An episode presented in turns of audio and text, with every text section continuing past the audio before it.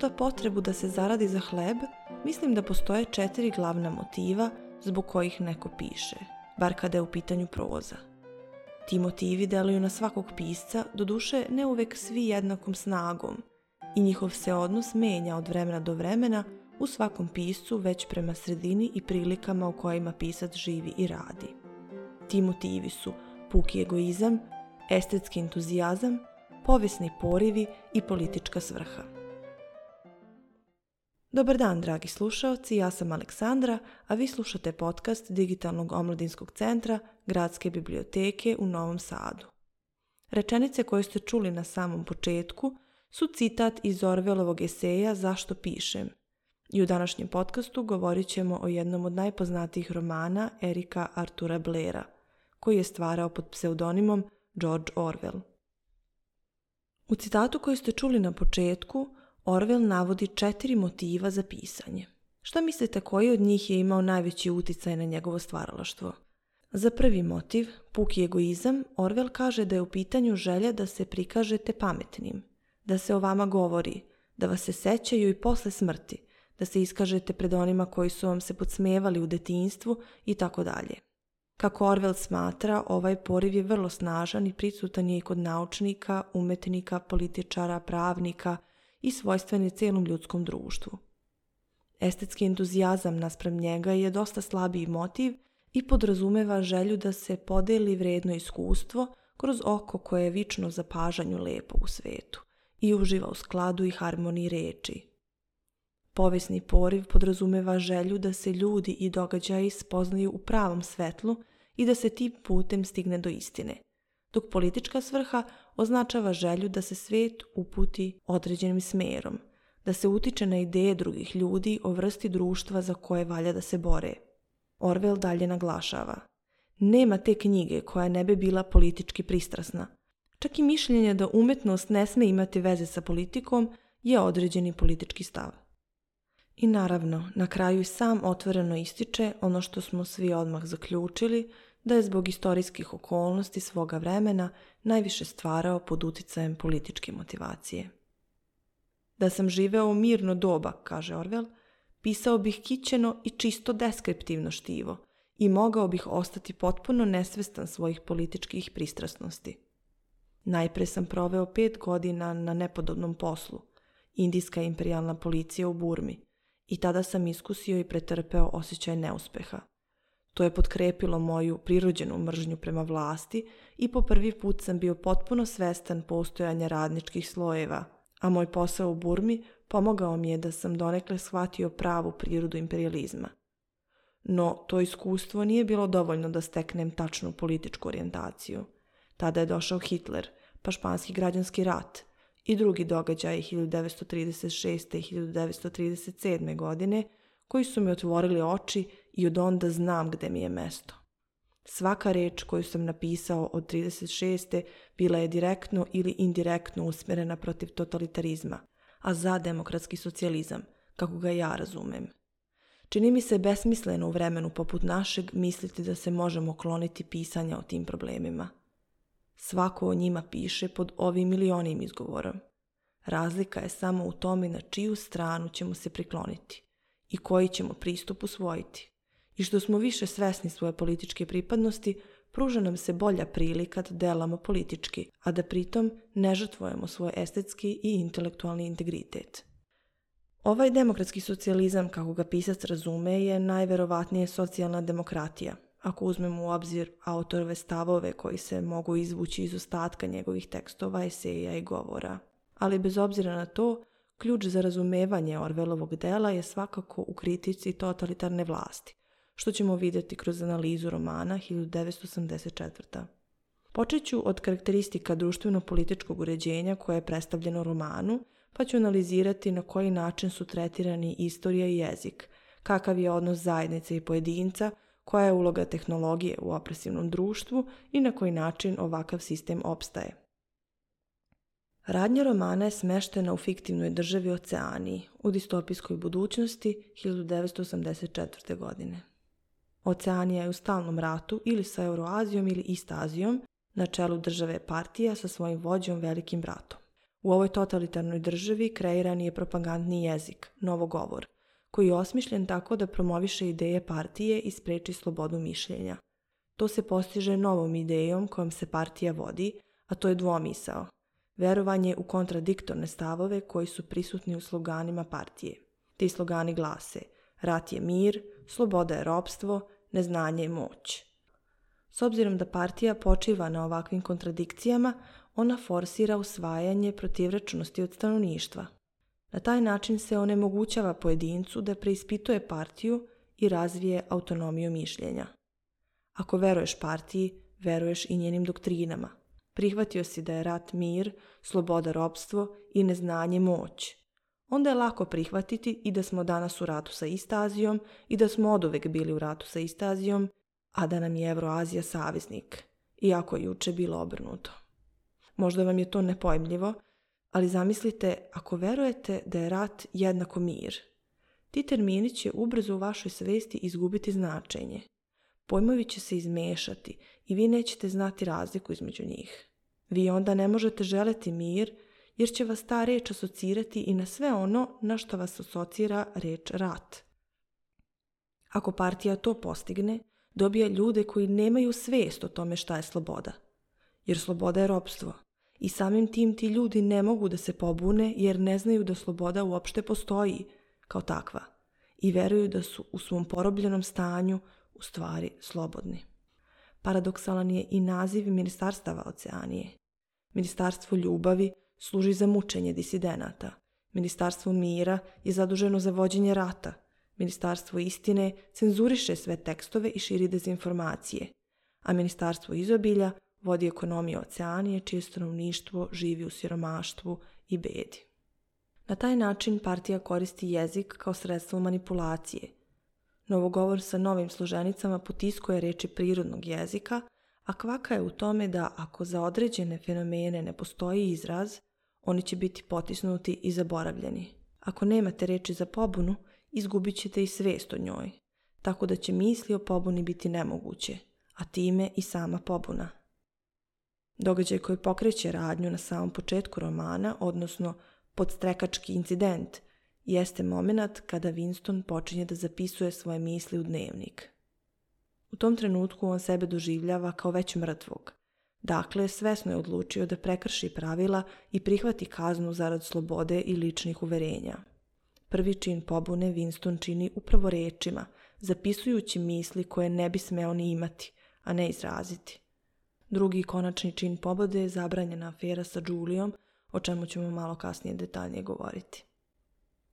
Winston radi u Ministarstvu istine i njegov posao je da prepravlja istoriju kako bi je prilagodio trenutnoj političkoj klimi. U društvu u kome vlada dvomisao, istorija je vrlo relativan pojam. Postoji samo sadašnjost i sadašnjost proizvodi i prošlost i budućnost. Prošlost objektivno ne postoji. Postoje samo pisani izvori koji belaže prošlost, a s obzirom da partija mora biti nepogrešiva, ti pisani izvori se prepravljaju tako da su sva predviđanja partije retroaktivno uvek tačna. U ovu svrhu koristi se i cenzura, koja ne samo da kontroliše koji su tekstovi podobni za štampanje, a koji ne treba da budu dostupni javnosti, već redovno ispravlja i prepravlja već odobrene tekstove. Izmjena jezika također utiče na istoriju.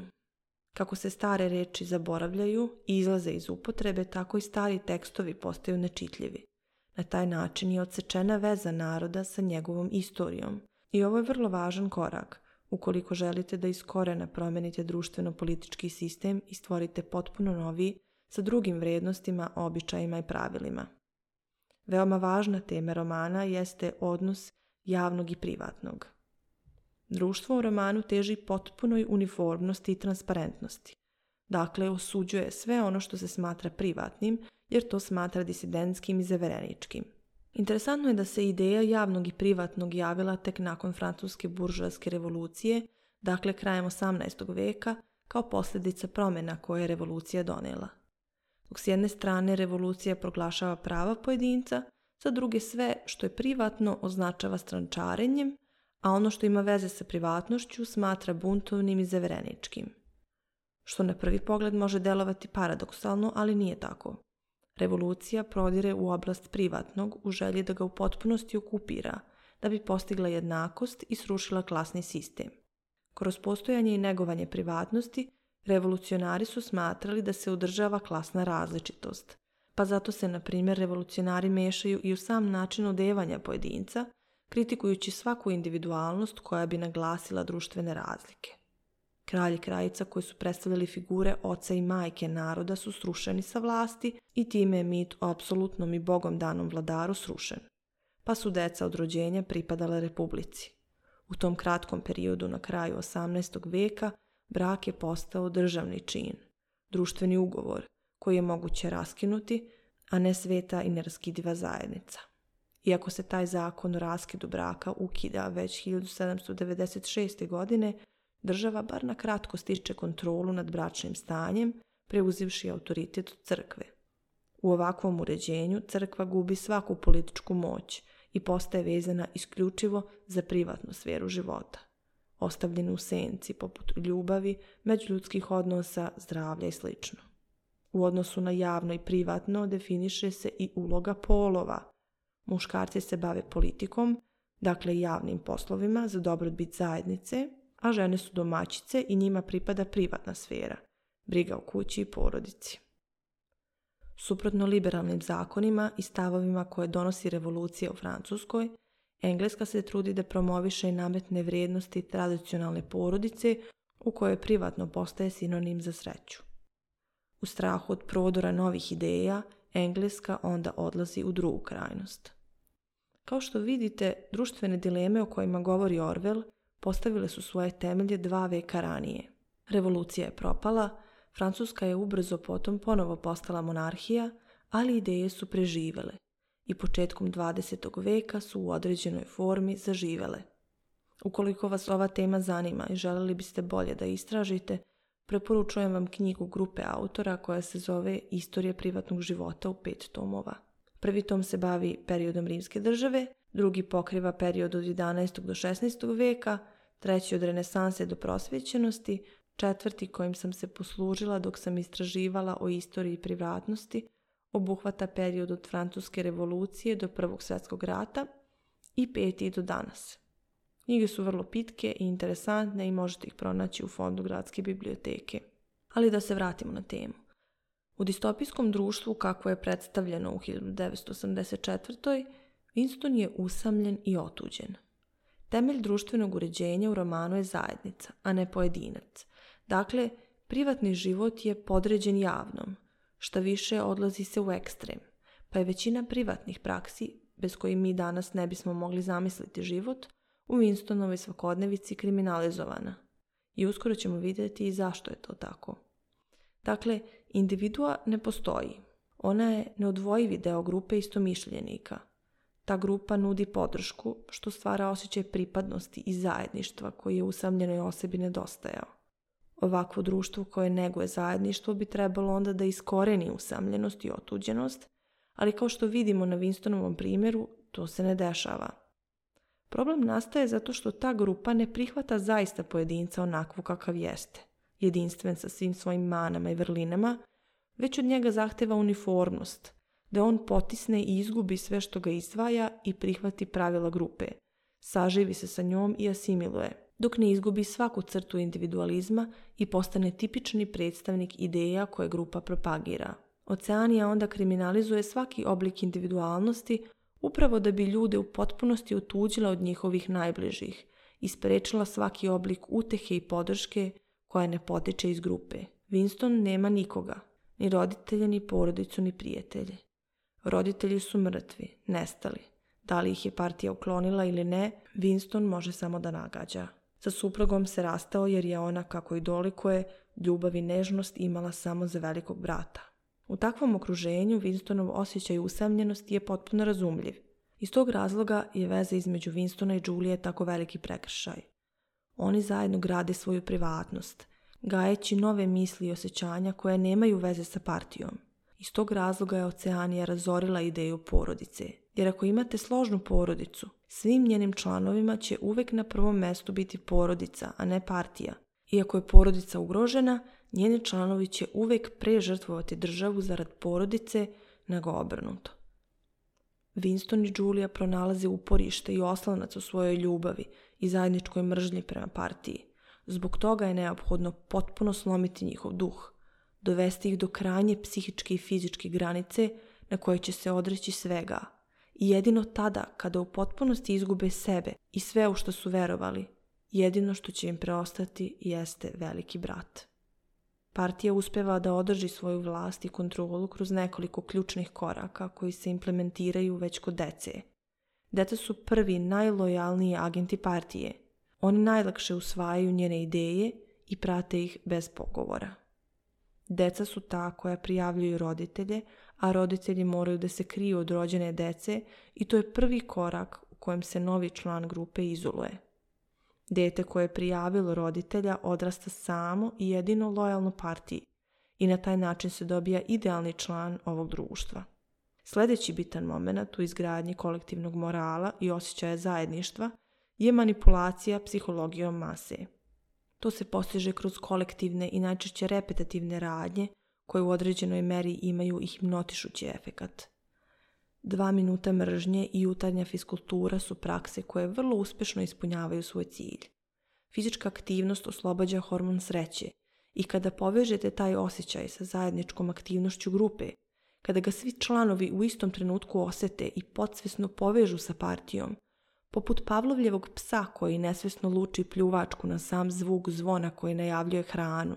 Isto tako stanovnici Oceanije osjećanje sreće povezuju sa partijom. Dva minuta mržnje sa druge strane imaju ulogu da negativne emocije usmere van grupe, dakle na zajedničkog neprijatelja. Ono što najviše zbližava članove grupe, koliko god se oni među sobom razlikovali, jeste zajednički neprijatelj. Zato je potrebno pronaći ili jednostavno fabrikovati neku drugost koja će učvrstiti grupu tako što će se njeni članovi fokusirati na ono što im je zajedničko u odnosu na razlike koje ih dele od, uslovno rečeno, njihovih neprijatelja. Ovo mnogo me podsjeća na metode kojima se koriste kultovi kako bi regrutovali i zadržali svoje članove. Poput kulta i Oceanija ima svog obožavanog vođu, velikog brata. Cilj te figure jeste da personifikuje vlast i daje joj lice koje će biti prepoznatljivo i za čije crte će stanovnici moći da vezuju ideje partije. Orwell se poigrao sa likom velikog brata jer ga je opisao sličnim Staljinu. Međutim, da li veliki vođa uopšte postoji ili je misterija? Ovo pitanje je interesantno, ali je za čitavu priču slabo relevantno, jer uloga velikog vođe je da bude neuništivi simbol partije – a kako bi se to postiglo, možda i bolje da ne postoji, jer je onda zaista besmrtan. Još jedan važan lik za kojeg ne možemo sa sigurnošću da kažemo da li postoji jeste Emanuel Goldstein, koji je predstavljen kao glavni neprijatelj države. On je na čelu grupe koja se naziva Bratstvo i oni su izdajice i protivnici režima. Kao što je partiji potrebno lice velikog brata za koje bi se vezale njene ideje, Isto tako je potrebno i lice neprijatelja i izdajnika, prema kojem bi bila usmerena mržnja stanovnika. Da li ovaj pokret otpora zaista postoji ili ne, takođe nije relevantno, zato što se partija svakako njime vešto koristi u svoje svrhe. Za početak, kao što smo rekli, za fabrikaciju drugosti, kao zajedničkog neprijatelja, jer se lik Emanuela Goldsteina redovno pojavljuje na teleekranu prilikom programa 2 minuta mržnje – ali isto tako čitava priča o bratstvu i mogućem pokretu otpora služi kao mamac koji koriste viši članovi partije kako bi ulovili one koji su počinili zlomisao, odnosno one koji se ne slažu sa idejama partije i žele da se pobune. Na taj način je obrajan i uhvatio Winstona Juliju, predstavljajući se da je član bratstva. Zatvaranje, mučenje i da tako kažemo prevaspitanje Winstona u sobi 101 je, kao što sam pomenula, sredstvo da se njegov duh i telo slome, da mu se uništi dostojanstvo i ljudskost i tako iskoreni njegova samosvest i potreba za nezavisnošću. Winston je simbol svih vrednosti modernog društva, zbog toga je slika njegovog poraza tako snažna i služi kao upozorenje da su te vrednosti vrlo krhke i ranjive u sukobu sa svemoćnom državom. Jedna od bitnih tema kojom se bavi roman jeste privatnost – Još je John Stuart Mill 1859. u svom eseju o slobodi definisao granice do kojih država može da zadire u privatnost pojedinca. I u predgovoru navodi Predmet ovog eseja je građanska ili društvena sloboda, priroda ili granice vlasti koju društvo zakonito može da ima nad pojedincem. Uhvativši se u koštac sa ovom tematikom, Mill preispituje šta znači sloboda za 19. vekovnog čoveka – te prateći evoluciju te ideje kroz istoriju, razmatra na koji način vlast može da je ograniči i dolazi do zaključka da je jedina stvar za koju ljudski rod ima ovlaštenje da se individualno ili kolektivno meša u slobodu delovanja bilo kojeg od svojih članova samozaštita. Da je jedina svrha u koju sila može da se zakonski primeni na bilo kojem članu civilizovane zajednice protiv njegove volje jeste da se predupredi šteta po druge. Ovim načelom Mil ograničava moć društva, moć države i pojedinca, jer svi oni smeju da zadiru samo u one sfere ponašanja drugog koji lično na njih utiču, dok sve ostalo spada u domen lične slobode. Shodno tome, Mil zaključuje da je sloboda mišljenja i kritičkog razmatranja nužna za napredak i ističe individualnost kao jedan od elemenata blagostanja vlast koja tretira stanovništvo kao podanike i teži da ih u potpunosti kontroliše. Sve resurse koje posjeduje iskoristit će u tu svrhu. A jedan od najkorisnijih resursa je svakako tehnologija. Što vidimo recimo na primjeru teleekrana koji se nalaze svuda, nikada se ne mogu isključiti i u svakom trenutku špioniraju stanovništvo. Evo šta kaže Orwell o totalitarnoj državi u svom eseju Književnost i totalitarizam. Totalitarizam je ukinuo slobodu misli do mere nepoznate bilo kojem ranijem dobu. Važno je primetiti da kontrola misli ne postoji samo u negativnom, već i u pozitivnom smislu.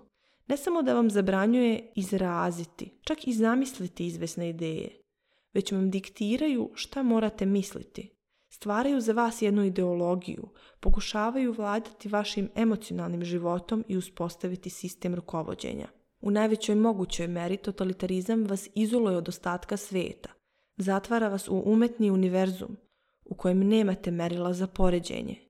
Totalitarna država nastoji po svaku cenu kontrolisati misli i osjećanja svojih podanika, bar u istoj meri u kojoj kontroliše njihove postupke. Specifičnost totalitarne države jeste da kontroliše misli, ali da ih ne utvrđuje – Ona uspostavlja neosporne dogme i menja ih iz dana u dan. Njoj trebaju dogme jer je potrebna apsolutna poslušnost podanika, ali ne može izbeći njihove promene koje su uzrokovane potrebama političke sile. Proglašava se nepogrešivom, a istovremeno napada sam koncept objektivne istine.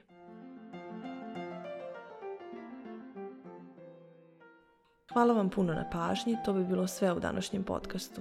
Nadam se da vam je analiza bila zanimljiva i da vas je podstakla da se možda vratite klasicima koji su uvek aktuelni. A mi se čujemo sljedeće godine, uživajte u praznicima, uz dobre knjige i pratite nas na društvenim mrežama kako biste bili u toku sa aktuelnim dešavanjima u biblioteci. Na blogu Bibliofil možete pronaći transkripte podcasta i možete nam pisati vaše sugestije i komentare. Hvala vam na pažnji i do slušanja.